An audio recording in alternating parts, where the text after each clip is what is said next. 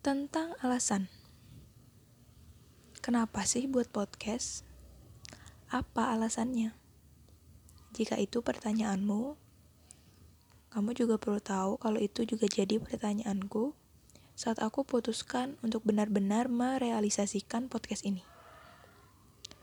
Lalu jawabannya? Ya, jawabannya... Oke, kita mulai dari sini. Kalau boleh dibilang, aku itu introvert, kaku, susah gitu buat cepat akrab dan langsung berbagi cerita ke orang lain atau orang baru. Padahal bukan gak punya cerita, punya. Bahkan kayaknya kepala penuh deh sama pikiran, sama cerita, sama hal-hal yang ya gitulah pokoknya tapi dipendam sendiri. Dan ya tadi nggak tahu mau diceritainnya gimana dan ke siapa. Dan fakta uniknya, aku tuh dari kecil punya hobi aneh.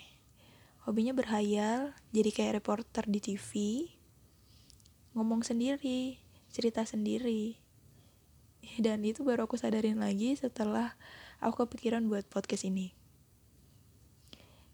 Terus, setelah aku gede gini, hidup di dunia digital, kenal yang namanya podcast, suka juga dengerin podcast, di mana orang-orang bisa berbagi cerita dari hal yang sepele hingga hal-hal berat, hal-hal yang berbau politik, atau bahkan hal-hal yang kita alami di kehidupan sehari-hari. Senang aja gitu dengerinnya.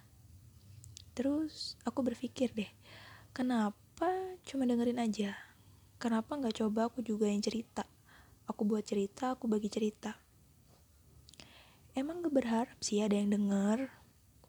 Cuma ise is ide iseng. Ide iseng ya. Ide iseng.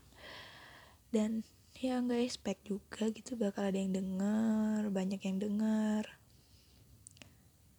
Tapi gimana ya?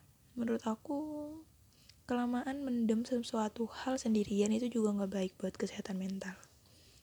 Dan akhirnya aku beraniin. Ya hari ini. Hari ini aku beraniin merealisasikan ide iseng tadi buat podcast.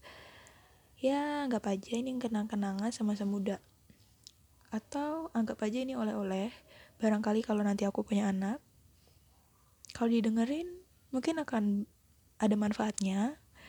Akan jadi bekal nasihat ya untuk siapa pun yang dengar untuk aku juga sendiri mungkin atau untuk anakku nanti. Ya pokoknya intinya gitu inti dari kenapa aku buat podcast apa alasannya? Yaitu tadi. Karena aku nggak tahu mau cerita ke siapa padahal banyak yang mau diceritain. Dan secara nggak sadar secara nggak langsung dari kecil suka cerita sendiri. Dan why not? Aku coba. Aku coba apa ya dalam bentuk karya. Asik. Setelah nulis aku coba podcast karena aku rasa dengan podcast sensasinya akan beda dari menulis. Oke mungkin itu aja buat cerita tentang alasan kali ini. Besok kita cerita lagi. Dah